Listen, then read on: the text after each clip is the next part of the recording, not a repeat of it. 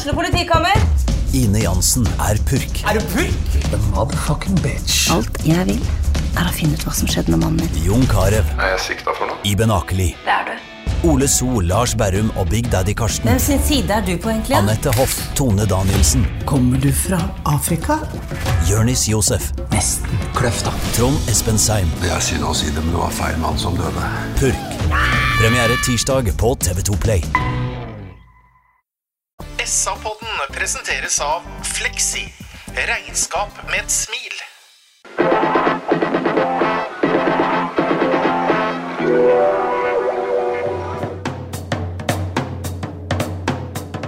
Sarpsborg Arbeiderblad gir deg en ny episode av SA-podden med Sven René Nygård, Øystein Weber, Petter Kalnes og Bjørn Inge Bingen Nilsen.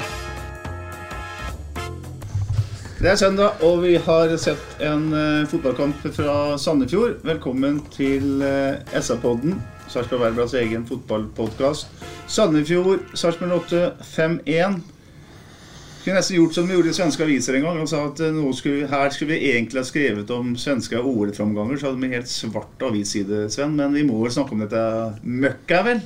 Ja, Han var vel svart på Freisa blad sin vel i 2009, tror jeg. minns jeg. Da var det bare en svart firkant. Jeg vet du hva, dette her er eh, skal vi si, eh, Bruke ordet tragisk er jo lov, men du kan ha tragikomisk òg. For det, alt det som skjer i dag, det er jo på en måte helt forkastelig. Eh, vi sitter og snakker om at juli måned er over, og det er generelt en dårlig måned, og nå skal vi begynne å ta poeng og slå Sandefjord 6 igjen for eh, nesten noen minutter siden, og så taper vi 5-1 på bortebane. I mine øyne, Jeg kan i hvert fall si to kjappe ting, kommer sikkert inn på det etterpå. Men eh, det all logikk for meg tilsier nå at det er en ung, lovende gutt som har fått en U21-landskampdebut, nå skal få lov til å prøve seg. For Anders han er ikke med om dagen. og Etter han skrev kontrakt, så har det vært mye tull. Han er skyld i ting i dag, det er nesten-ting, og det har vært dårlige ting i forkant. Og så må jeg bare si det at det, sånn som i dag, så har vi altfor mange entertainere, og så har vi altfor få vinnertyper. Altså, de, de klikker og klakker, og vi skårer 1-0, og vi skal spille oss igjennom. Vi taper dueller. Er, nei, vet du hva? Det er rett og slett en forferdelig pinfullt dårlig gjennomført fotballkamp. Og jeg håper alle sitter hjemme, og de spillerne, stort sett, og tenker at fy faen, altså jeg tjener penger i den klubben her. Jeg er mer lønna enn i hvert fall meg som jobber i en barnehage osv. Så, videre. så går de ut og skal spille i 90 minutter, og så gir de så lite. Det irriterer meg grenseløst. Er du enig, Bingen? Ja, hvis det er svake prestasjoner over tid, som Anders Kristiansen har gjort nå over relativt lang tid for keeper å være, jeg vil si fem-seks kamper helt siden han eh, helt siden han skrev kontrakt, hvis det skal få konsekvenser noen gang, så må det få konsekvenser nå. For maken til keeperspill det har har jeg faktisk ikke Eller maken til svak keeperspill over tid har jeg ikke sett eh, Anders Kristiansen eh, i noen gang, sånn som han opptrer nå. Og når du sier U21-landslagsspiller, Sven, så er det altså Leander Øy du Ja, selvfølgelig. Så du bare er klare på det. Ja, jeg, kan, jeg, jeg, jeg kan godt ta den samtidig. Ja. For at der, Uh, han ble ledd av når han forsvant i fjor, og det ble for så vidt jeg òg, som lanserte den som uh, Sky is the limit, Simen Vittu Nilsen. Eh, han har vært både for og, for og eller på og av, han, men han har virkelig fått en eh, formkurve som er veldig stigende. Jeg har sett han flere kamper, jeg for seid.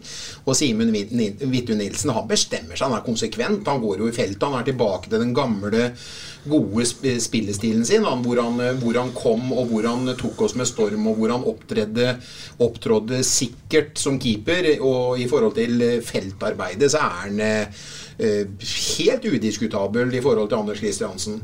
Eh, han er konsekvent. Han går ikke eh, Forsvarsspillerne blir jo litt eh, redde for Anders. Kommer nå, eller kommer han ikke nå? Jo, han kom, gitt. Nei, nå sto han. Liksom, sånn, sånn er spillestilen til Anders nå i forhold til innlegga. De ramler inn på huene på dem på fem-seks meter, og det er forferdelig svakt uh, keeperspill. Simen Witte Nilsen er en helt annen alen i forhold til hvordan han forlot oss, i forhold til hvordan han fremstår nå. Så vi skal ikke bare snakke om Leander Øy. Eh, flere i Sarpsborg ble vi vel voldsomt overraska når vi tegna to nye år med Anders Kristiansen, når vi eh, hadde to lovende keepere keepere og én på utlån, eh, inklusiv da, dem to. Så eh, klubben eh, gjør nok ikke alt rett eh, hele tiden. Men skal det få konsekvenser, så kan det få konsekvenser nå. Ja, men nå er det jo, nå er det, jo det eneste alternativet nå er jo Leander Øy. Eh, vil, du, vil du bytte mot Strømsgodset til lørdag? Ja jeg, ja, jeg vil ha bytte. Selvfølgelig vil jeg bytte. Og så er det ingen du som har vært på trening her. Han er 17-åringen han kan ikke skrive kontrakt med før han er 18 år. Han eh, nedenifra Jeg husker ikke hvem land det var. Ja, ja, det er riktig. Eller, Han er det vel også viktig Ja. å få på plass langsiktig nå? Eller? Og så har jo han, og har jo han eh, sprintgutten, han Jarek eh, eh, Men det er helt klart at eh, det får konsekvenser, det her er nå. For det har vært eh, veldig svakt over tid. Og, og man kan godt skylde på, og det hører jeg folk sier eh, Det dere må være klar over, dere som sitter og hører på eh, Det å være selv, selvutnevnt fotballekspert i SA-podden Eh, Da har du liksom greie på det. Så det vi sier, det, det er riktig, da. Så eh, mange mener noe om at dem foran han Anders Kristiansen fremstår som svak osv. Ja, men uansett så starter det bakifra, altså. Så ja, det, bør et keep, eller det skal et keeperbytte til nå hvis vi mener noe med å ha konkurranse om plassen. Det var et tema jeg egentlig hadde tenkt å ta om en, en tre kvarters tid, men som vanlig så er guttene raske på avtrekkeren her. Eh, du bør ikke snakke om keeperen, men du kan snakke om den kampen du så. Hva var helhetsinntrykket ditt? Nei, det er jo mye å ta tak i her, så det er jo ikke, noe, det er jo ikke bare det vi har diskutert uh, så langt. Vi kommer jo veldig gærent ut av det i dag òg, for, for uh, det er klart uh, vi mangler en Soltvedt på venstrebekk. Det fører, fører til noen omrokeringer. Som om ikke det er nok, da, så får vi en tidlig skade der, med et bytte da der. Veldig urytmisk alt sammen etter hvert. Vi, vi har en debutant på 19 år i Midtforsvaret i dag som, eh, som jeg håper eh, har bedre dager på jobben framover. Eh, han han er litt for involvert i, i kanskje begge de to første skåringene. Og det blir i hele tatt en veldig, veldig rar fotballkamp også sånn, urytmisk, med at vi setter ut Han, blir- han eh, Kasa savna jo til slutt på venstrebekk, det var jo ikke det han i utgangspunktet skulle være. Og, nei, så det er mye også, det er mye også ta tak i da, og så kan vi jo uh, komme tilbake til at det er få lyspunkter, og et lyspunkt er en, eh, en som kom fra Molde, en Rafik Seknini, som jeg tror vi skal spille med sju dager i uka etter hvert. Og så er det jo sånn at Jeg skriver vel til dere etter 15 minutter. Her er vi vel heldige som eh, Ja, ja. ikke ligger under. Ja. Det er jo en eh, fantastisk eh, oppvisning av Sandefjord. I min villeste fantasi så hadde jeg aldri trodd at vi skulle blitt så totalt rundspilt av Sandefjord. Hvis det er noen nå fortsatt som tror at vi skal kjempe om medaljer, skal jeg fortelle dere det. At Sandefjord, dem rykker ikke ned.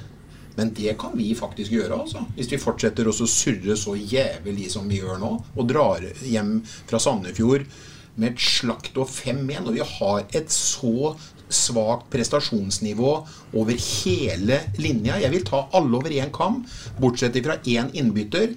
Som du sier, Weber, Rafek, Rafek Signini. Jeg sier til dere i 76. minutt, jeg regna ut han har vært på banen i 20 minutter. Jeg vil kåre han som 08 sin beste spiller etter 20 minutter på banen. Ja. Ja, eh, Det som irriterer meg mest med kampen i dag, det er det at der, Vi har prata om det på noen ganger òg, men, men det er lederstilen til Billeborn og lederstilen til Bjørklund. Det er å sitte og diskutere litt. Sitte veldig mye. Sjeldent oppe.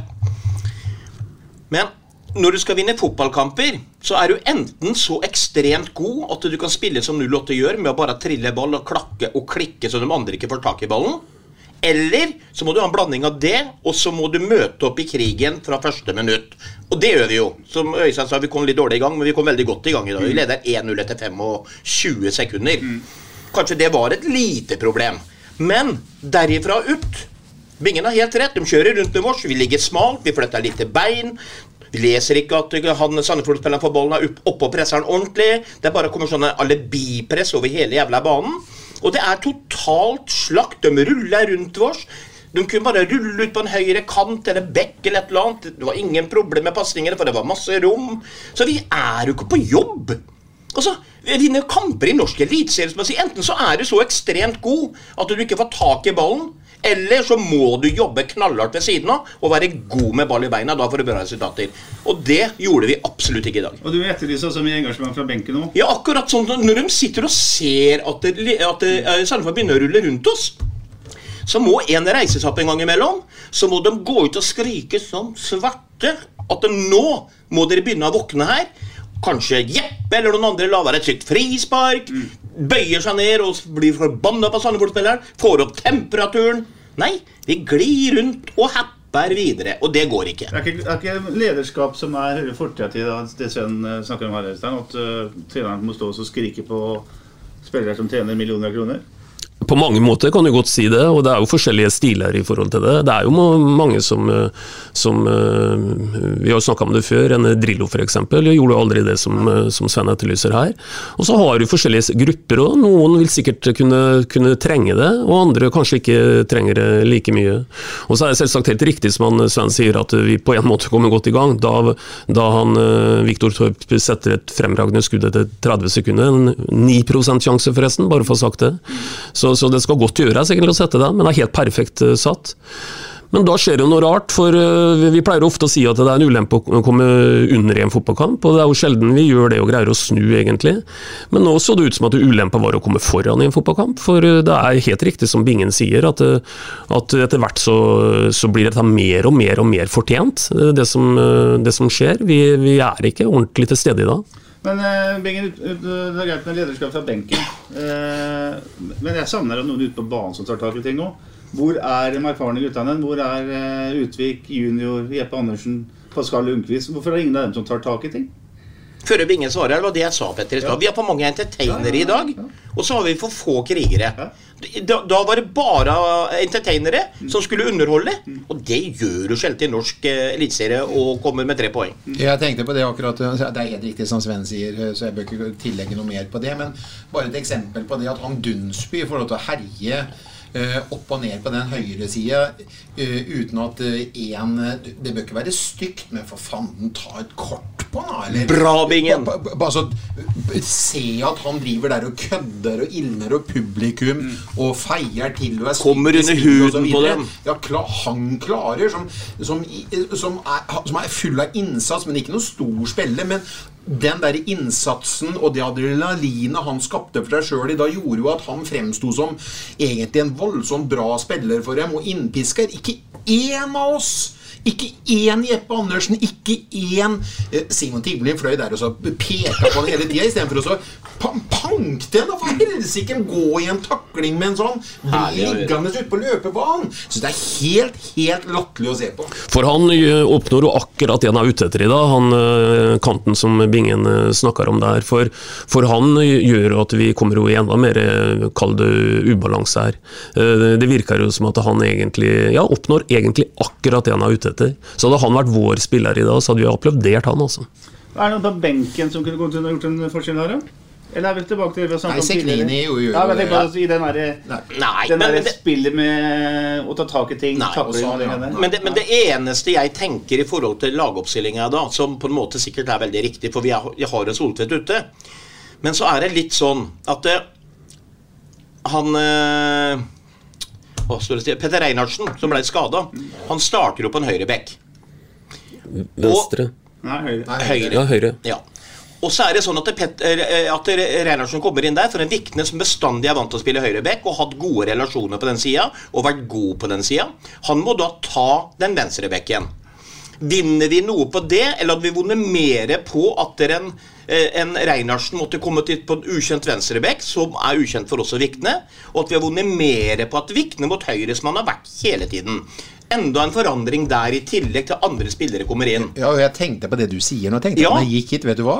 Jeg lurte på det om det hadde vært noe forskjell for Høyland om han har spilt høyre eller venstre. Så kunne du fort, fort hatt Vikne når den skaden kom, på, på Ja. at han fortsatt kunne spilt på den vante høyrebekkplassen Ja, eller i hvert fall starta med Vikne der, og så hatt Reinarsen på venstre for da. fordi at det er jo ikke noe, Han har jo ikke noe venstreben uansett Vikne heller. Så det har vært litt spennende å høre de de taktiske disposisjonene bak det. fordi vi, vi må bytte en spiller, det er bestemt. Men måtte vi bytte posisjon òg på han som har vært god på høyrebekk? Nei, jeg skjønte heller ikke. Nei, så den den òg må liksom Kan man tenke litt Jeg over, Synes, øh, jeg syns Viktig skulle spilt høyrebekk fra start, for da hadde du i hvert fall hatt det angrepsvåpenet der. Men Vurderinga der er vel at Reinertsen er Du mener vel da at Reinertsen er omtrent ikke god da som høyrebekk, men eh, ja. Ja, men det gjør de jo ikke, for da hadde han jo spilt mye mer der. Så Vikne har jo vært et aktivum langs den høyrekanten i masse kamper. Og en av grunnene i dag er kanskje populær for å gå til en ny klubb, blant annet. ja. Så de har jo sett den god på høyrebekk. På høyrebekk. Ja, og Paradoksalt nok så var dette den første kampen hvor Sander Kristiansen, som har vikariert som venstrebekk, ikke var i troppen. Han har jo spilt en del venstrebekk, bl.a. under oppkjøringa Vi kommer jo skjevt ut sånn sett, men, og det blir jo veldig urettferdig. Vi har jo vi har vel messa Jeg skal fortsette å messe om det hver eneste gang at det blir forandring på det. Den syltynne troppen vår når vi kommer utover 14.-15. mann. Når vi ser i dag at vi må når vi ser i, at vi må bytte to, eh, to bekker på høyre kant i dag, så ser du at vi er jo i dødens gruppe, rett og slett. Og ikke et vondt ord om Martin Høiland, som er en super gutt og gjør jobben sin på trening hele tiden, men noe høyrebekk er han ikke. Ja, og det, man har jo ikke venstrebekk når, eh, når da midtstopperen fra Spania må ut og spille venstrebekk. eh, Det er jo også en slags nødløsning. Men altså laget fra start, da, for å bare ta det, er Anders Kristiansen mål. Så er det som jeg har sagt, Peter Einarsen høyrebekk og eh, Eirik Vikne venstrebekk. Bjørn Inge Utvik og Arnav Casas var da stoppere. Junior og Jeppe Andersen på midtbanen. Mikkel Marmor til høyre, Simon Timmel til venstre, Viktor Torp i den eh, dype rolla og eh, spissrolla, og Raman Pascal Lundqvist er spydspissen. Så går det ikke mer enn seks minutter før Reinhardsen blir skada. Da må Martin Høiland inn og spille høyre back. Du, Når vi først er i gang, så kan jeg godt ta én ting en til, for nå er vi i gang her sånn. Til våre kjære venner i Thailand og på BD, for å legge den død med brassesparket til Fardal Opseth mot Molde. Ikke rødt kort, så har vi lagt den død. Ja, det er altså Trond Nilsen og Rune Grønn som eh, i henholdsvis Thailand og Bede som har vært så frekk å være uenig med deg. Ja, for å være selvutnevnt fotballekspert i folk så, så har vi rett. Ferdig med Men, det. men, men det, er, det er litt gøy at det kommer noen meldinger. Da. Det eneste problemet Petter, var at nå har Rune Grønn eh, sendt inn den meldinga si. Så begynte jeg å lese den ti over halv seks, og var ferdig kvart over ni. Ja, Så det var så jækla lang. Men når de setter og hører på SR-poden, så setter de seg ned til frokost og ferdig til middag. Så Ja, ja, ja. det ikke sagt. Er veldig bra, veldig bra, Trond og Rune. Ja, ja, ja, og, og, Rune Grønn er en eh, kjernekar og en veldig bra fotballmann. ja, og jeg, jeg må si at Rune Grøn, jeg syns du skriver veldig bra, Rune. Veldig bra snert i skrivet ditt, og fortsett med det. Ja, og Men- fortsett å være uenig med Da har vi i hvert fall lektyre framover utover kvelden. Dere har ikke rett altså i den situasjonen. For som Bingen alltid sier, fotball er enkelt når du kan det.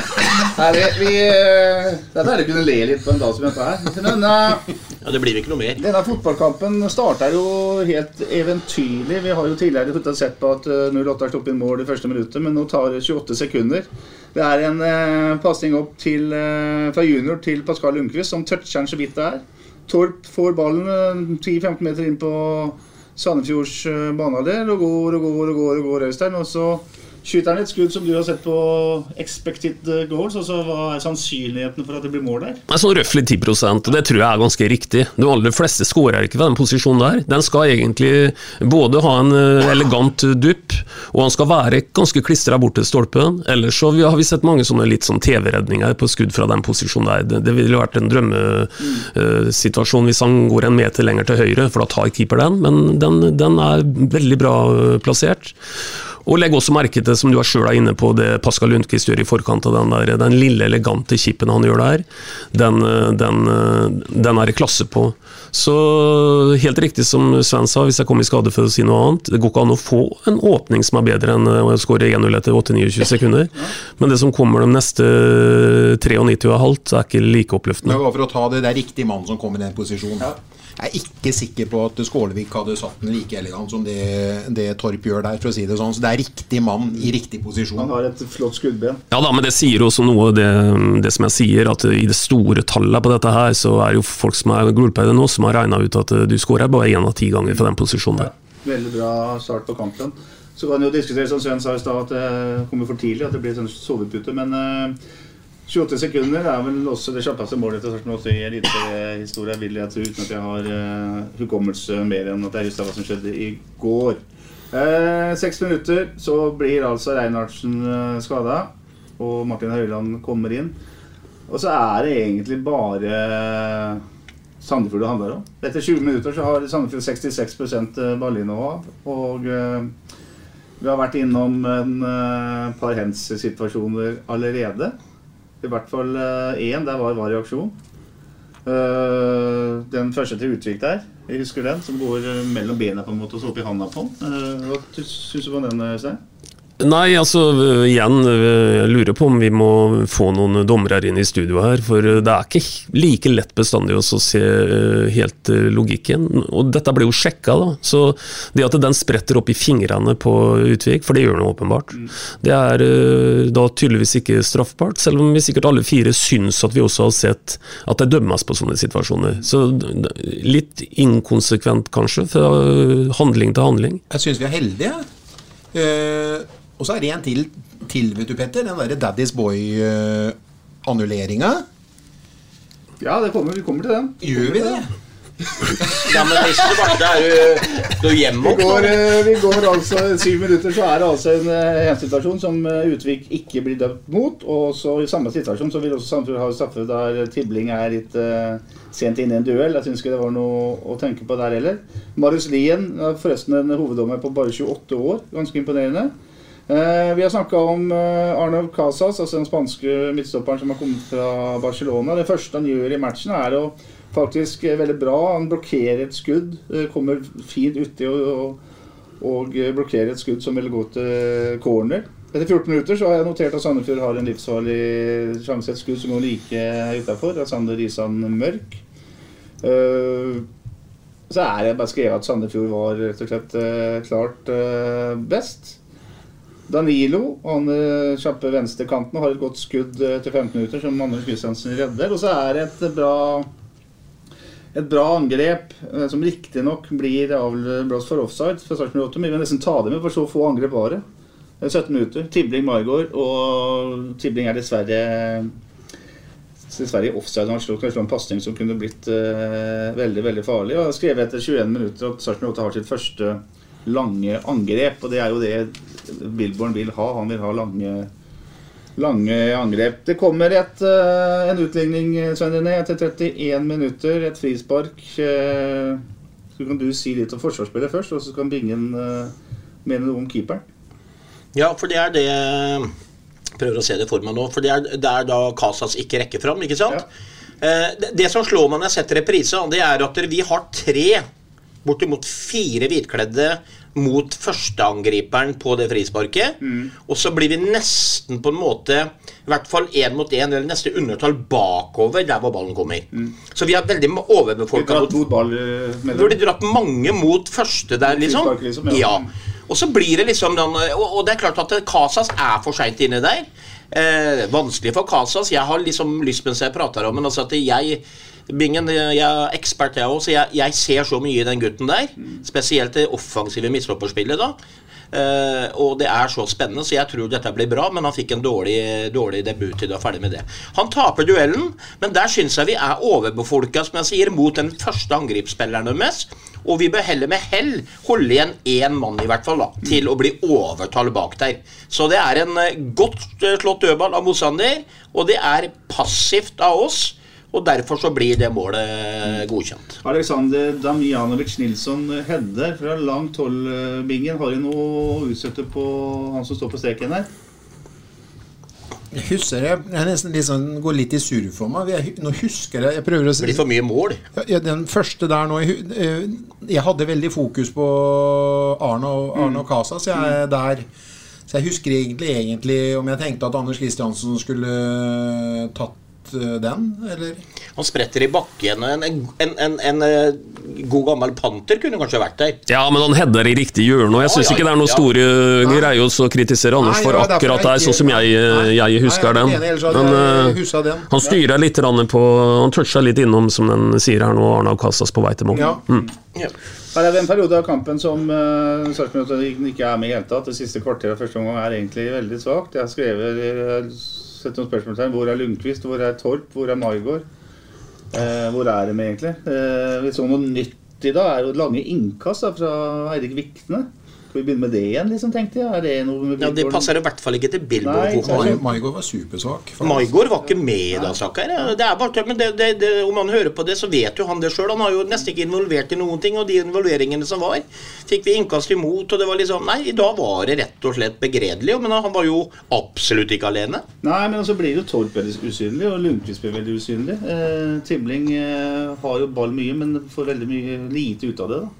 Hva, det, det er jo et problem, det, Øystein. Det er liksom ikke noe flyt i angrepsspill i det hele tatt. Nei, og, og øh, Tibling, for å ta han, da, han har sine klare begrensninger. Og, og, og det betyr at øh, en spiller som Tibling han må f.eks. være veldig god på god på de tinga som kan kompensere for det. da. Og, og selv om jeg foregriper begivenhetenes gang litt nå, Petter, så eller jeg gjør kanskje ikke det, for de var inne i den situasjonen hvor Tibling blir avvinka for offside. Det er for svakt av Tibling, for han står og ser hele linja. Og, og Tibling må greie å være onside der. Vi får inn en Seknini som vi har snakka om, som kommer i en tilsvarende posisjon, og leser den på en helt annen suveren måte. Ligger akkurat en halvmeter onside og, eh, senere i kampen. Så, så, så skal Tibling på en måte kunne forsvare en plass på dette laget her, så må han i hvert fall være veldig god på det han kan gjøre noe med. Og det går ikke Han er ikke, han, ikke sant? Vi har snakka om det at han er ikke rask nok og alt det der. Det får han ikke gjort noe spesielt med. Men det er for svakt å stå rettvendt mot linja der, og så, og så stå i offside. Han Tibling har det vi trodde var uh, omgangens siste skudd på mål. Etter 45 minutter hver så det, så skyter han med venstrebenet fra 17 meter rett på keeper etter et bra Sarpsborg 8-angrep. Da trodde jeg vi, vi skulle gå til pause med 1-1, men det skjedde ikke, Sven. For uh, 1-2 kommer altså etter 46 minutter. Starter med at Vikna en eller annen merkelig grunn hedda ballen rett til værs, og så tar eh, Franklin uh, Daddy's Boy Nienetu Ja, samme han kaller for Daddy's Boy. Daddy's Boy. Eh, han tar bare ballen, dette er ikke Palma. Og så mener jeg at en Casas eh, bør komme opp i press, men skyte. Ja, det skal ikke, og bli, skyte skal ikke bli noe snakk om Casas og tull der sånn. Altså, enig hender jo Enig med deg. Ja, men hvorfor skal, hvorfor skal den situasjonen oppstå egentlig i hele tatt? Altså, Vikne hender den ballen rett opp i været først. Forferdelig dårlig klareringsheading. Han må kunne klare å vinkle den eller få den en annen sted rett opp. Og så kommer den her eh, skuddfinta i lufta hvor eh, Vikne går 100% på igjen. Hadde jeg vært back bak der, jeg hadde jeg bare rista på huet han foran meg. Men når det først kommer, så kan kanskje Casas gå ut en par skritt til. Men vi, vi må ta tak i den første situasjonen, Petter. Hvorfor den situasjonen blir, den er for dum. Ja, og så er jo ikke Udne spesielt eh, bra der heller. Nei, nei, nei, nei, det er helt flatt batteri hele veien. Skuddet går i nærmeste hjørne. Husker du det skuddet, Bingen? Eller fortrengt det òg? Nei, jeg husker det skuddet. Langs bakken.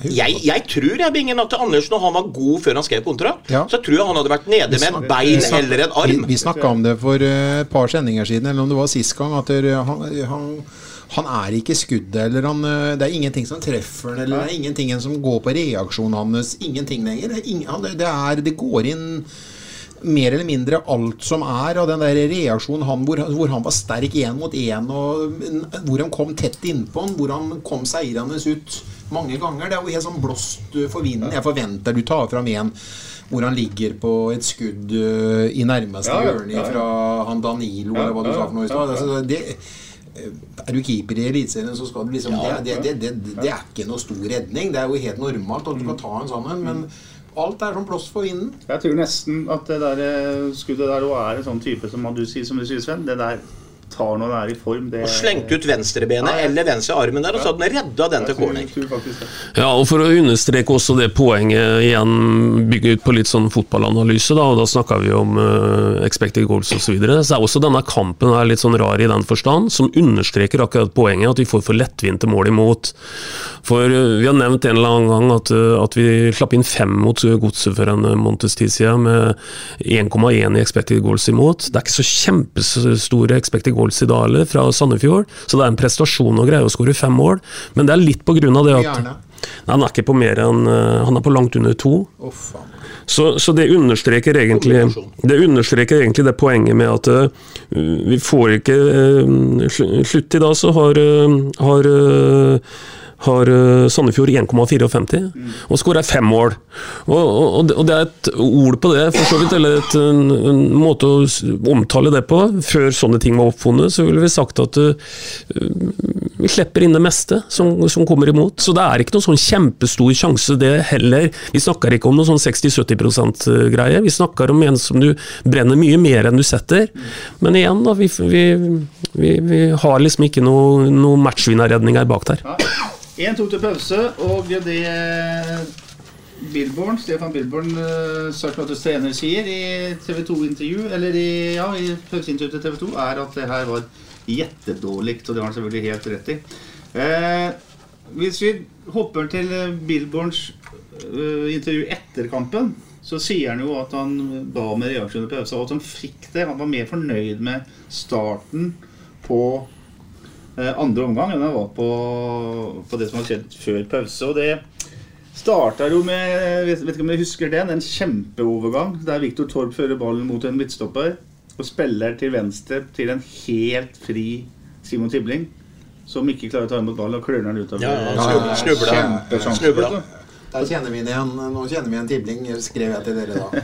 jeg tror, på den nivået så mener jeg der er det som en så stor mulighet at her må det bli avslutning i hvert fall.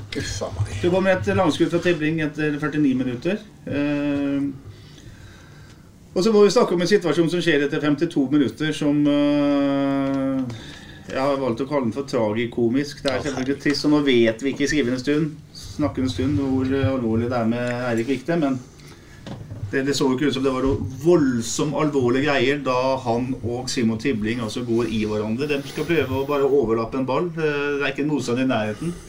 Jeg tenker, Øystein, det der eh, Det var nesten til å Skal man le eller gråte på det der? Ja, det er jo helt utgjort at, eh, at eh, ikke nok med at Vikne får mye juling av motstandere her, men vi kan ikke begynne mm, å bli gjort av egen osv. Og, så og jeg er litt uenig.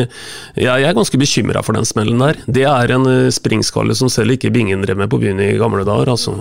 Så det er, det er, fart mellom Det er stygg å se i reprise, og så vet vi at han har fått mange hodesmeller. Han treffer den i tinningen. Og eh, den, jeg syns ikke den så god ut, så vi får bare håpe det går bra med, med Vikne. Han går, tar seg hjem og går av sammen med fysikalsk ansvarlig der, så ja, Du ser jo på venstresida hans på blåveis og øyebryn og alt, og det er eh, Tinningen tin, Det er ikke nok med at du blir huggeren, men tinningen så svir det så inn i helvete òg. Den er vond. Ja, jeg er helt enig med deg, Weber. Det er ikke bra i hele tatt. Du har fått mange i tinningen, Minge? Nei, du har jo fått noe i tinningen, da. Så det, du, du vet jo Jeg har fått et kne i tinningen faktisk en gang. Det svir helt Han hoppa høyt, han da? Nei, jeg var på bakken. ja, vi får håpe at Eirik eh, kommer seg hjem. At det er eh, og Det er selvfølgelig trist eller, Det er jo en sånn situasjon du, du var helt uforberedt på, selvfølgelig. Du ja, er ikke forberedt på at du skal skalle til en eh, medspiller. Men det er jo liksom, det er noen ganger man sier at det er sånn symptomatisk med ja. ting som skjer. ikke sant? Ja, Den kampen her i dag, det var jo et rent sirkus av tivoli det er mm. liksom, uh, i forhold til prestasjoner. Og det er jo selvfølgelig på sin plass at to medspillere skaller hverandre ned. Og det er, ja. Eh, begge de to involverte her blir tatt av. Viktene Vikne blir erstatta med Anton Skipper. Og eh, Simon Tibling blir erstatta med debutanten Rafik Seknini, som vi har snakka om allerede. og som vi snakke litt mer om. Det gjør jo det at eh, Skipper går inn som eh, venstre midtstopper, og så blir da Casas eh, satt ut som venstre Man må, må ta med det nå, da, for at vi, Skipper har vært en hoggstabbe. Han, han har jo vært skyld i ekstremt mange mål i det siste. Mm. Mot Molde bl.a. i to kamper og alt dette her, og på klareringa på stadion. Så det har vært mye rart med Skipper. Men han kom inn i dag.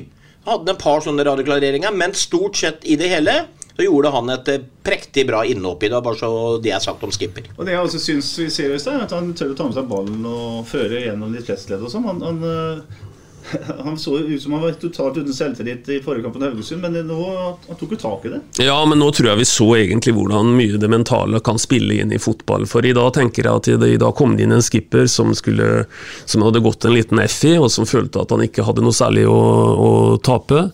Føler nok livet litt urettferdig eh, skipper innimellom her, hvor han har spilt en del kamper og blir satt ut, kommer inn igjen og blir satt ut, og i det hele tatt. Men eh, det er riktig som eh, Sven sier. Det skulle jo ikke veldig mye til, da. Vi må jo si det. Også, også markere seg på plussida i, i dag, for det er, det, er mye, det er, mye, dårlig i dag. Men, men skipper syns jeg får godkjent for innhoppet sitt. 56 minutter så kommer den varesituasjonen der Bjørn Inge Utvik er involvert igjen. Det er en uh, Sandefjord-spiller, Sander Moen Foss, som snur seg i feltet og skyter. Uh, og hadde vi sittet her og diskutert den kampen, og det var en uh, Sandefjord-spiller som stoppa det med handa på den måten nær Bingen, så hadde vi vel skreket om straffe, hadde vi ikke? Jo. Ja, vi er, eh, vi er, eh, vi er heldige. Eh, det, er for, det, har, det, har, noe med åssen kameraene er stilt òg. Det er det er vanskelig, jeg syns det er vanskelig. Vi får, vi får liksom utvik fra siden eller fra høyresiden. Mm. Eller sett forrige fra, så får vi fra høyresiden. Så jeg, jeg ser, får aldri sett hvor langt ute armen hans er, egentlig. Det er akkurat det Binge sier her. Det er det som er litt håpløst med, med en del rundt VAR i, i, Norge. Det er Vi fikk jo se mange repriser. Og det eneste jeg ser, er at han treffer armen. Men det ser ut som armen er nesten klistra til kroppen. Og hvis ikke du klarer å se det Altså, det eneste vi i hvert fall vet, da, det er at, og det vet jo VAR-dommere altså, Utvik kan tross alt ikke ta en kirurgisk operasjon der og da på, mens ballen er på vei å kappe den armen. Og den ser ut som er inni kroppen. Andre bilder fins jo ikke for oss som ser på TV. Og da blir det jo, da, da blir det jo greit å ikke blåse igjen, tenker jeg da. Vi skal diskutere hva litt mer etterpå, litt mer inngående da. Men det er, jeg tror det er helt riktig som dere sier, at uh, det er ikke nok kameraer til at uh, man får et klart nok bevis på den situasjonen. Hadde det her vært i den Skeiter Kiel-kampen som gikk samtidig fra England, så hadde vi garantert fått et langt bedre bilde. Men det er forskjell på, på VAR i Norge og i utlandet, foreløpig i hvert fall. Eh, kan jeg spørre om en ting igjen? Ja. Den får annullert et mål. Ja. Eller får de annullert to mål? Var det ikke en situasjon med Daddy's Boy òg, hvor det blir De Den får annullert en hvor en klatrer og skaller inn en corner ja. i, i, i, første omgang. Ja. Har jeg vært innom den? Den har vi ikke vært innom. Nei, den, den uh, Men jeg syns faktisk den er grei, ja da. Ja vel, ok. Da er den grei. Men hvis du legger de sammen til slutt Men fikk Fikk ikke Daddy's Boy annullert ennå, eller er jeg helt på jordet? Var det ikke en situasjon med Daddy's Boy? Jeg husker bare at dere Kansas fikk annullert, men den er jo korrekt. Ja, den er korrekt. Det er på slutten. Nei, der, eh, men vi, vi fikk i hvert fall en ifra han eh, hva heter han? Toye? Men, men, men ja. det du kanskje tenker på, det, det, som, er, eh, det som ble annullert der, og i tillegg da, for De snakker jo hele tiden om at han klatrer. Ja. Men hvis du ser på reprisa, ja. så ser du hva Daddy's Boy gjør òg. Han, han døtter jo egentlig Anders Kristiansen inn i mål. Han, han står foran og døtter han innover. Så der var han i en Daddy's Boy i en situasjon eh, Først så var jeg litt usikker på Dømte annullerte han pga. Daddy's Boy. Fornekta Anders i hele tatt han mulighet til å komme ut, eller var det at noen klatra? Og det mente jo han Isnes eller Isnes Etter 25 minutter så er det corner på første stolpe da, fra høyre med venstreben innover, og der er det Helt riktig du sier, Sven. Det første er at Dennis Boy hindrer Anne Kristiansen å komme ut av streken. Ja. Og så er det en situasjon i hodeduellen Hvor kommentatoren mente at ja. mistløperen kom så høyt at han måtte ha klatra. Ja. Men hva han dømte på det fordi det eneste i ettertid er at der, du som keeperbingen, hadde du blitt døtta inn der på den corneren, så hadde du blitt irritert for at du ikke fikk lov til å komme ut. Så det kan jo være på den situasjonen. Det er keepersituasjonen han blåser på. Kan det være. er spiller ingen rolle. Det som spiller noen rolle nå, er at nå har vi kommet til en uh, 63-64 minutter av kampen, og nå er Sarpsborg 8 igjen uh, i sin klart beste periode. Uh, Seknini gjør mye bra på venstresida, men han klarer å trøkke fram. Og Sarpsborg 8 har et par lange angrep med mye ball. Og etter 67 minutter så kommer jo en helt gedigen målsjanse som kunne, kunne jo snudd hele greiene. Uh, dere husker innlegget fra Martin Høiland, som vel ja, skyter et innlegg. Seknini avslutter, Torp avslutter, og så ender det opp med at uh, Lundqvist. Pascal Lundqvist tar en sånn halvbrasse, eller det, hva skal jeg si for noe, mm. og det treffer uh, stanga. 2-2 der, så hadde dette vært en annen uh, ja, og så er det jo bare tre-fire minutter før det, så bommer jo Maigård på et nydelig forarbeid av uh, Nei, kommer ikke. Ja, men du er jo ikke 67 ennå? Jo, men du må du, du, du, du, er snart på tre minutter på overtid. Du har ikke hukommelse, men kunne snudd hele greia der. Eh. Ja, det kan alltid 2-2-målet naturligvis gjøre. Så, så, det hadde gått an å, å, å fått et annet utfall da, men, men, det er klart det er vanskelig å sitte, sitte i, i, dag og snakke om noe andre utfall etter det vi har eh, sett utspille seg på release arena. Ja, ja. Så er vi, så vi innom en liten straffesituasjon med junior, som eh, han mener har blitt tatt litt tøft i ryggen. Det blir ikke blåst etter 71 minutter. Et eh, oppspill fra Casas til junior som er feilvendt, og som blir Trøkka i ryggen. Trøkka i ryggen. Og klarer ikke å dempe ballen med brystet. Og det har han jo rett i, for han får jo ikke noe mulighet til å legge den død på de brystmusklene når du får den trykken samtidig. Ja. Men eh, nei. Det er greit. jeg syns synes også det ser ut som junior rutiner som han er Ja. ja. letta litt uh... Ja, det, jeg tror det er det som blir brukt litt mot deg ja, i en sånn situasjon, for junior detter litt sånn vel teatralsk i den situasjonen. For det er ikke noe tvil om at det er to hender oppe i, i ryggen på han, men det er kanskje noe med, med måten han, eh, han faller på som virker at eh, dommeren tenker at dette bikker over til å se litt konstruert ut, kanskje. Klar straffe. Ja, Skrek du på straffe? Ja, ja, ja, ja, det må være straffe, sa jeg andre gangen jeg så en reprise over. For han hadde jo ikke sjanse til å stå på benet. Men det er klart, når han letter med bena fra bakken, sånn som han gjør Da hadde han sjanse til å stå på bena da, ja. for han letta med dem, og så Ja. da datt han. Ja, for, jeg, tror, jeg tror rett og slett hvis hadde, han hadde bare latt være å spille med sånn som han gjorde, han ga det et, et ekstra skyv, så, så er det en straffe. Ja, For å utfordre Bingen litt, altså er det selvsagt ikke noe klar straff, i hvert fall. Ikke sant? Det er en, det er en gråsonesak, og det sitter er straffe. Ja, ja, men det sitter folk også og ser dette kan reprise. eller så kan den ikke Ja, ja, ja, ja, ja, Det har jeg aldri hørt om, men det var sånn Du sier jo sjøl at han Det er sånn letta med benet. eh, Ja, men det sitter folk på et varom i dag og ser de reprisene som du sier da, og de konkluderer i fellesskap med at denne her går vi ikke inn og overprøver. Så ja, VAR tar ikke den for eh, den- den der dommeren som eh, ser forfra. Da kan ikke den gå inn og ta den. Sven, du snakker jo ofte om eh, at det er litt juks i moderne Ja, fotball. Jeg, sier, jeg skal ikke kalle junior for nei. men hvor mange ganger har vi sett han konstruere den type frispark langt ute på banen? At han rygger inn igjen Ja, og letter og får frispark da når han er feilvendt midt på banen. Tror du ikke dommerne, vår venn fra vår Lien her, eh, vet det og tenker at det er han, ja. Det er den Sark Notte-spilleren. Gode, fot gode fotballdommere gjør det. Gode Ja. fotballdommere ser kamper med motstandere de skal dømme. Uh, det, det er en del av jobben deres å vite hvem spillere som konstruerer, hvem spillere som er bånn ærlig osv. videre Og og som du sier, junior er ikke en filmer.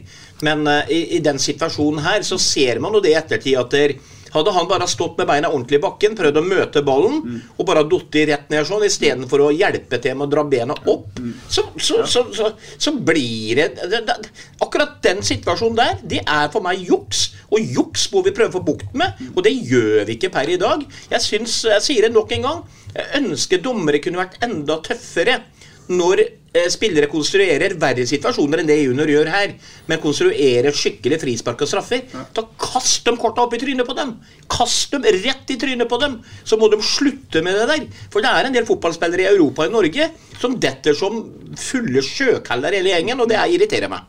Og så ser vi noe annet som er ganske typisk i fotball, og som har vært en sånn en evig diskusjon så lenge jeg har fulgt med på den idretten her, og det er at eh, det sitter litt lenger inne å å blåse innafor 16-meteren kontra midt ute på banen. Selv om du ville aldri fått en dommer til å innrømme det. Regelverket er likt. Ja, regelverket er likt, så vi kunne jo stilt det litt sånn retoriske spørsmålet. Tror vi det hadde vært relativt stor sannsynlighet for å få et frispark på 30 meter?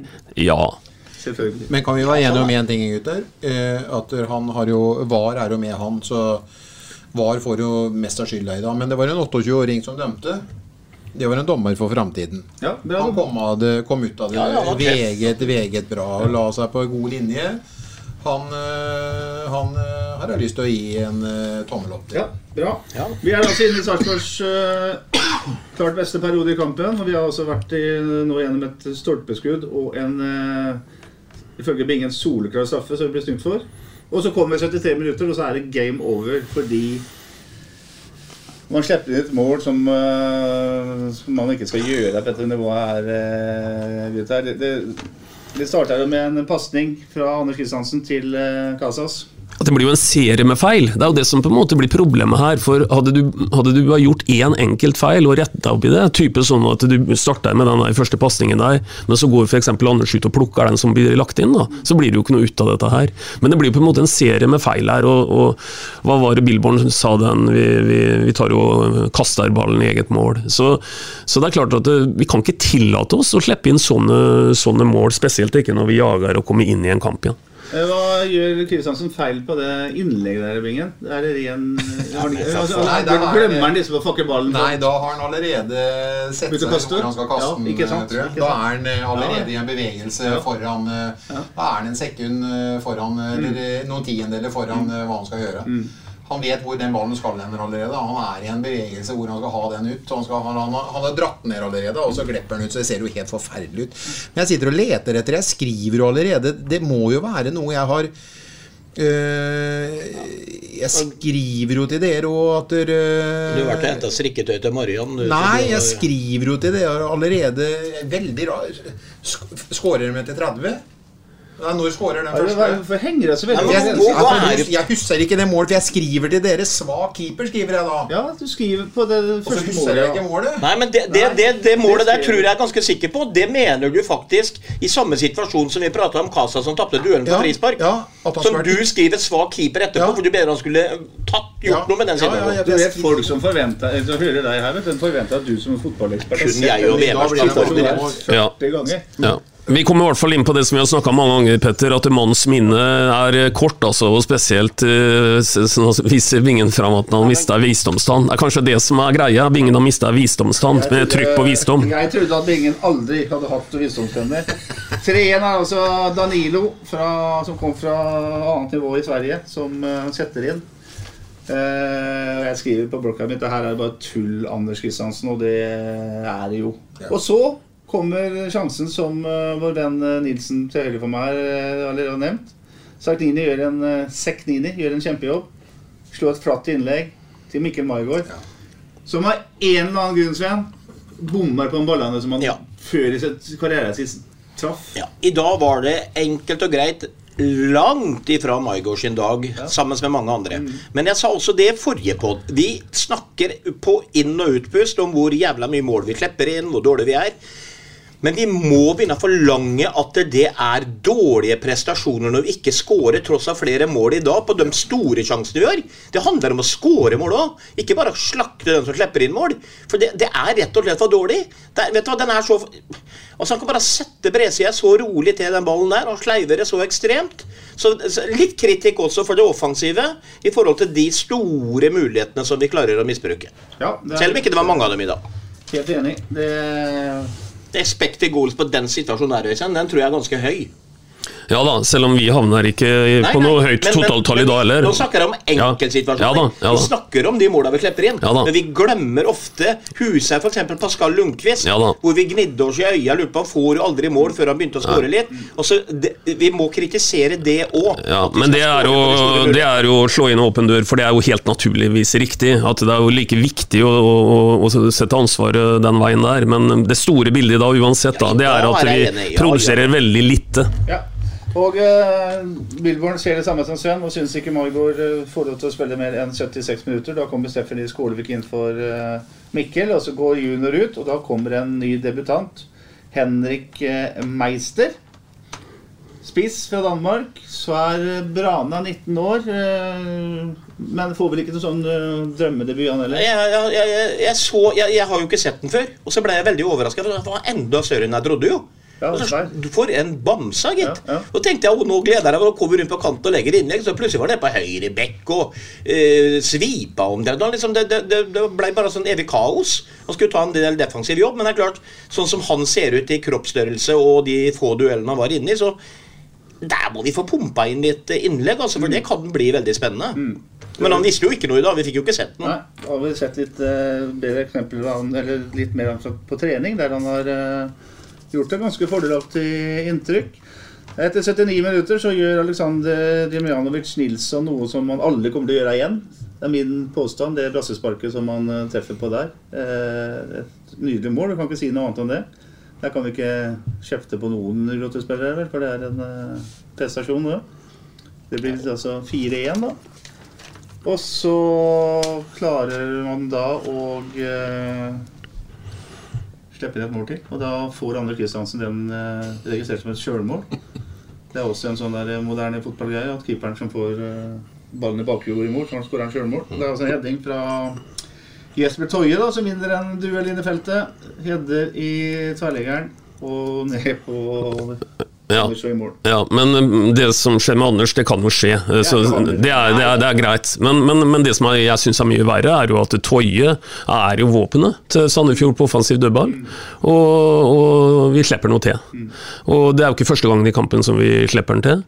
Og vi har snakka om et dødballmål vi slipper inn eh, tidligere i, i kampen.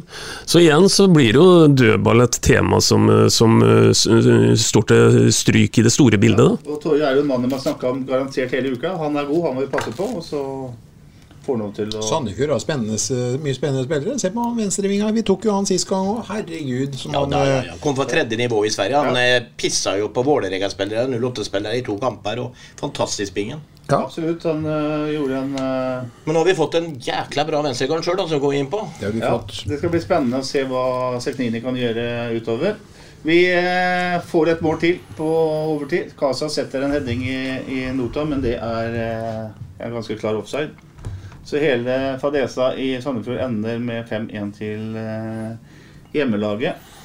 Eh, det betyr det at Sarpsborg 8 på 17 matcher har sluppet inn 31 målbingen. Det er mye. Det er mye. Det er bare eh, HamKam og Sandefjord som har sluppet inn eh, flere. Ja, på de seks siste så har vi vel nå sluppet inn over 20. Men i dagens moderne fotball og idrett Jeg tenker på Før i tida så kunne være husherre. Jeg spilte jo litt sånn på Kai Erik Herlås og fortalte jo at de møtte Real Madrid i, med Borussia Mönchengladbach og eh, vant 5-1 hjemme og dro og tapte 4-0 borte, og så røkte de ut, ikke sant. Men er det egentlig lov å spille tikka takka og slå i stykker et fotballag så ekstremt som for en par uker tilbake her nede med 6-1 på hjemmebane, og tape 5-1 borte etterpå?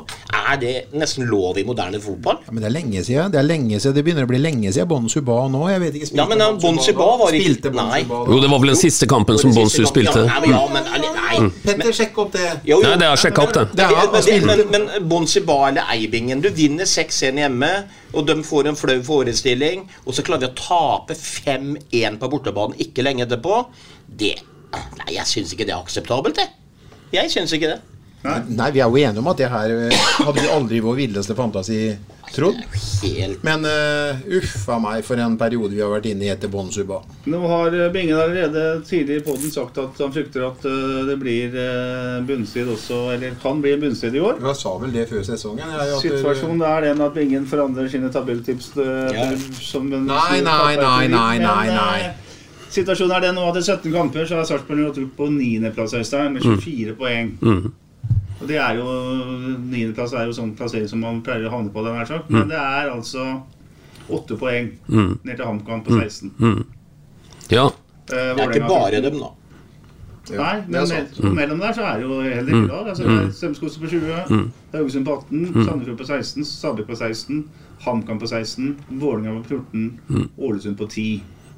Skal vi begynne å bite negler? Nei. Nei, nei, nei. Altfor mange Nei. lag imellom. Kommer, videre eh, kommer aldri i verden til å bli blanda inn i noen Erik-strid i år, men eh, i dag så er kunsten også ikke la seg prege for lenge av dette her, av også de som på en måte har blitt uh, sabla ned. For det er klart at eh, dette her er blytungt også som en sånn mental eh, øvelse, og rett og slett uh, bli ydmyka på den måten den eh, blir i dag. kamper, sånn som vi snakka om her òg. Her kunne de, altså for Bingen sin skyld, da, som er redd, han, da kunne vi bare distansert oss helt i dag. Jeg er helt enig med Øystein, kommer aldri i verden til å rykke ned. Men vi kunne hengt oss på der oppe. Men nå er vi midt imellom en sånn sjikte igjen. Vi klarer liksom ikke å ta tak i den der snora som henger, for å bli der oppe. Hver gang vi er i nærheten, føler jeg, så faller vi ned igjen. Ja, vi får se nå mot Haugesund, da. Strømsgodset. Ja. Vi er, eh, nå skal vi møte et lag som er eh, like dårlig stelt, eller like dårlig ute som oss, mer eller fire mindre. tap på rad. Ja. Men eh, jeg skal bare si en ting igjen. Eh, det dere snakker om at jeg forandrer tabeltipsene mine så jæklig, det er ikke sant. For at jeg var den eneste som sa her sånn før sesongen at det blir ryggen mot veggen. Men så fikk vi en Lundqvist, og så fikk vi en Bonsuba. Så endra jeg det til en åttende-tiendeplass. Så det er helt riktig. Men så har Bonsuba vært borte nå ganske lenge, så nå begynner jeg å se, se litt mørkere på det, i hvert fall når vi opptrer sånn som vi gjør i dag. Og jeg ser at der, uh, Geir Bakke har ikke fått ut potensialet av Vålerenga. Hvis vi tror det at der, uh, ikke dem klarer å kapre poeng, uh, så kommer de til å gjøre det. Eh, Sandefjord kommer til å ta poeng. Om Ålesund kommer til å ta nok, det er det vel heller tvil om. Eh, Men eh, Stabæk sliter Har eh, ni kamper på rad uten seier. Stabæk sliter, eh, så jeg sier ikke det at det skal være ryggen mot veggen nå, men vi må stramme opp. Vi, vi, vi, Ja, men det er jo alle enige om, Ingen. Vi Ja, vil ha den høyest mulig på tabellen. hvordan er formkurven og kommer, hvordan kommer den til å se ut når vi har Hvor mange tap har vi nå, Sven, på de seks siste? Nei, vi, har, vi hadde vel eh, Var det fire uten seier, og så vinner vi mot Haugesund. Og så taper vi nå igjen, da. Mm. Og da er formkurve Nei, men Det er ikke det du snakker om. Du snakker om å røkke ned, du. Nei, Jeg sier det at vi skal passe oss for at det Ja, men det kan bør vi skje. ikke. Nei, det bør vi ikke. Nei. Nei, jeg er uenig. Nei, nei. Men uh, vi, er, vi hører hva du sier, Bingen, og vi følger med. Men uh, vi har altså nå, kjære lyttere, fått en lovnad fra herrene Weber og Nygaard om at det ikke blir noe bunnstrid. Så det syns jeg var deilig å høre. Det har de vel sagt nå i fire-fem år på rad. Ja, så har vi vel ikke gått ned heller. Nei. Så det var rett, da. Jeg vel snart lengstlevende i Norge. Godset Vålerenga 1-3 på lørdagskvelden. Tromsø-Lillesund 3-1. Tromsø imponerer fortsatt. HamKam Brann 0-2. Haugesund-Rosenborg 1-2. Begynner å hjelpe litt på Lerkendal. Odd Stabæk 4-0. Og så er i skrivende, snakkende stund Viking eh, foran med 3-2 mot uh. Glimt. Som betyr at uh, Bodø-Glimt har 18 poeng og 41 poeng. Viking har 17 poeng og 38 poeng akkurat nå. Eller 17 kamper og, og 38 Ja, nå ble det mye poeng. Som altså betyr at uh, hvis Viking vinner den uh, utsatte kampen sin, eller hengekampen, så er det en A-poeng på toppen. Og der står også Bodø-Glimt, laget som Øystein Veberg for lengst har utnevnt til seriemester. Det er ikke tvil. Poddens overtid. De første 15 minuttene av dagens kamper i Eliteserien var prega av supportere som øh, rett og slett holdt munn. I en protest mot øh, VAR så var det en fellesaksjon der man først etter 15 minutter begynte å synge og heie på laget sitt. Var liksom voldsomt uh, stor forskjell å høre på fra Sandefjord, men eh, det var altså en VAR-protest, eh, Øystein. Eh, hva er det egentlig supporterne vil med denne aksjonen sin? Nei, jeg ble litt usikker i går, for da så jeg at Myntrud er eh, Godsunion sin eh, supporterleder. For eh, i mitt hode så tror jeg det er tre realistiske, eller to realistiske alternativer. Det er å ha et VAR, eh, en light-variant, som ikke er heldig. Vi har akkurat snakka om denne situasjonen med Utvik i dag, som de har ikke kameraer nok til å se det godt nok. Eh, Det, det er den ene siden av det. Men jeg tror at det som er realistisk å kunne håpe på på litt sikt, det er et forbedra VAR. Eh, Men det som han lederen i Godsunion eh, sier, det er at jeg vil ha tilbake spontaniteten. Jeg vil kunne juble for en eh, dommergodkjent scoring og alt det greiene der, og ta hele 10-12 feilavgjørelser, som han egentlig ordrett sier. Hvis vi skal ta det helt på alvor, så vil du ha VAR helt 100% bort. For det hjelper ikke med 1000 kameraer hvis du vil ha tilbake den, den eh, opprinnelige spontaniteten. For alle skjønner at selv om en avgjørelse tar fem sekunder å sjekke, eller man tar to minutter å sjekke, så er spontaniteten vekk uansett. Du må vente på den avgjørelsen. Og det tror jeg ikke er realistisk, for da ville vi vært en av få land, tror jeg, om noen, som, som går motstrøms der og så fjerner det. Så jeg tror det som er, er det realistiske, det er at eh, en kan håpe på et forbedra VAR. Og det betyr eh, først og fremst mållinjeteknologi og, eh, og flere kameravinklinger som gjør at at uh, I dag var det et godt eksempel på at det er for få kameraer til å kunne sjekke ut uh, enkelte situasjoner. Ja, Det er et kjempegodt eksempel, de to hendelsessituasjonene til Utvik. I hvert fall den, den ene. Og så kan vi jo se på åttendedelsfinalen i kvinne-VM som gikk i søndag morgen. Der eh, straffesparkkonkurransen eh, Der er én millimeter eh, på innsida av målstreken. eh, Som gjør at Sverige får det avgjørende straffesparket godkjent. Det kunne aldri blitt godkjent i norsk fotball. Fordi man ikke har mållinjeteknologi. Er Men tidligere så kunne jo aldri en dommer ha dømt mål der. Selv om man gjorde det i 66 på Wembley når Jeff First skåra mot uh, Tyskland. Men Som vi, jeg skulle bli helt så viste det seg å ikke være inne. ja, og som vi diskuterer 57 år etterpå, egentlig. Derfor mener jeg det blir helt meningsløst av supportere skal fjerne hele hele VAR-systemet. Jo, men jeg tror ikke det er noe realisme i det heller. For, uh, for jeg tror at uh, vi er mest tjent med å kunne kunne mm, få, følge kan du si, strømmen. da. Og, men, jeg, men jeg, håper det er realisme i å få et forbedra vareprodukt. Altså. Absolutt. Og der støtter jeg supporterne i forhold til at, uh, at her må ting bli bedre. Skrekkeksempelet var jo syv minutters saksbehandlingstid for en, for en offside-situasjon eller ikke, her for et par runder siden. Sånn kan vi jo ikke ha det. Den har jo for så vidt allerede respondert på. og Det nye nå er at den har sagt at skal, ingenting skal ta lengre tid enn tre minutter. Går det utover den tida, så, så skal den avgjørelsen dommeren har tatt, stå. Men som sagt, selv ikke 1000 kameraer løser det lederen til Godsunionen ønsker. Mitt drømmescenario Ja, unnskyld, Bingen. Jeg var min tur, så. Ja, men jeg tar den. Okay. Nei, ta den, du. Ja. Mitt drømmescenario var jo det altså, Nå er jeg jo helt enig med Øystein. Altså, jeg er jo ikke glad i VAR i utgangspunktet. Men det blir mye rettferdige avgjørelser, og så blir det mye diskusjoner. Drømmescenarioet var at noen aldri fant opp VAR. Så vi kunne hatt den gode gamle fotballen. Ikke måtte begynt med denne Premier League eller i landskamp eller hvor det skulle være. For da hadde vi hatt den spontaniteten. Men når han har kommet, så kan selvfølgelig ikke Norge være det eneste landet i verden som ikke skal ha VAR. Så det er jo Jeg, jeg må bare si til supporterne ja, Man kan nok protestere så mye man vil. Man må utbedre VAR, men det blir jo aldri borte nå, dessverre. Men som sagt, hadde det ikke kommet, så hadde vi hatt den gode gamle hoppe over hverandre på tribunen etter at ballen var over mållinja, og sluppet å tenke på om han der Per Gunnar var i offside eller ikke. ikke sant? Så det, det Men der er vi i dag, og der kommer vi til å være. Men vi må jo gjøre det med norsk vare, for det, det funker ikke på sikt. Nei, jeg syns det er stort paradoks, at uh, vi er i såkalt Norge, verdens rikeste land. Og det brukes så mye penger i norsk fotball, så det er jo helt hinsides uh, all sunn fornuft, kan mange mene. Og så har man ikke råd til å ha f.eks. et målfoto i, i Eliteseriearenaene. Men det er jo noe Cato Haug tok tak i etter den syvminutteren som vi leste om. Og det er jo helt riktig det som Veberg sier. Derfor men jeg begynte å lure på han lederen i Strømsgods eller Godsunion hva han egentlig med, Ikke lederen, men supporterlederen. Hva han egentlig tenker på. For det er jo ikke dit vi skal. Cato Haug sier klart ifra at vi skal Han kaller dem inn til et møte her for ti-tolv dager siden hvor det går på at vi skal jo ikke vekk fra VAR, men vi skal ha et forbedra VAR, som Øystein Weberg korrekt sier. Så Der må vi jo stole på at norsk toppfotball og Norges Fotballforbund går sammen for å se løsninger på hvordan vi kan forbedre det. For at det sånn som det er nå, så holder jo eventuelt ikke det her Det holder jo ikke, ikke eventuelt engang. Det holder jo ikke mål i forhold til hvordan vi ønsker at vi, VAR skal fremstå, da, som vi ser ifra bl.a. Premier League og Bundesliga og de store ligaene. Vi er jo, vi er jo ikke i nærheten. Nå kan ikke vi sette oss inn i huene til dommerne, men det må jo være litt ubehagelig å ha et sånn var light, som du kalte det, i ryggen. Og ikke. Et, ikke et fullgodt hjelpemiddel. Nei, og, og det må være kjempevanskelig, for du må ta noen avgjørelser sjøl. Og du skal ut og se på noen skjermer og ditt og datten, og du stoler kanskje ikke på dem inne på det rommet. Kanskje de overser noe du burde sett, og så blir han hengt ut i VG etterpå, for han det burde var sett, men det er dommeren som står i fokus, osv., osv. Så, videre.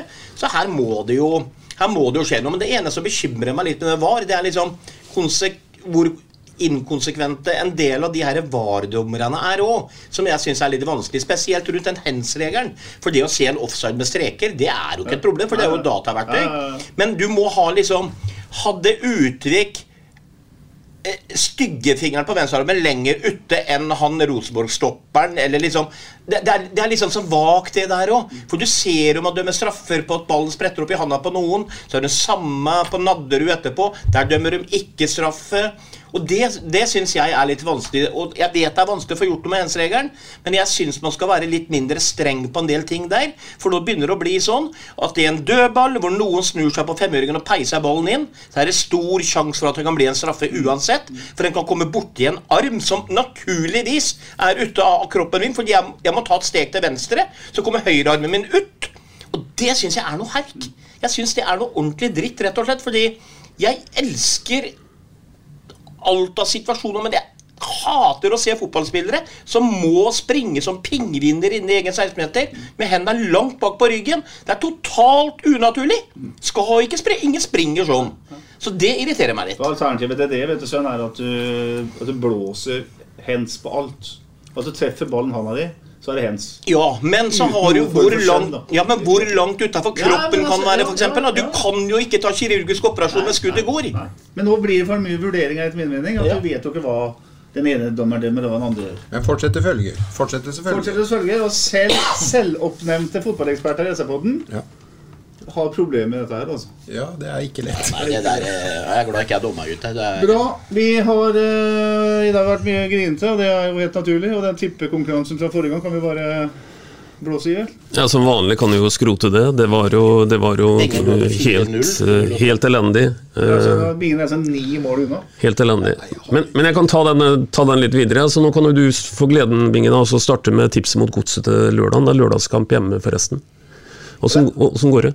Det er jo øh, Kampforløpet vil jo bli sånn at Kom til poenget, Bingen. Skal jeg, Folk har lyst til å høre på resonnementet mitt. Ja, det har de gjort. Strømsgodset kommer jo til oss nå øh, med ryggen litt mot øh, veggen. Og de ønsker jo selvfølgelig å fremstå veldig solide defensivt.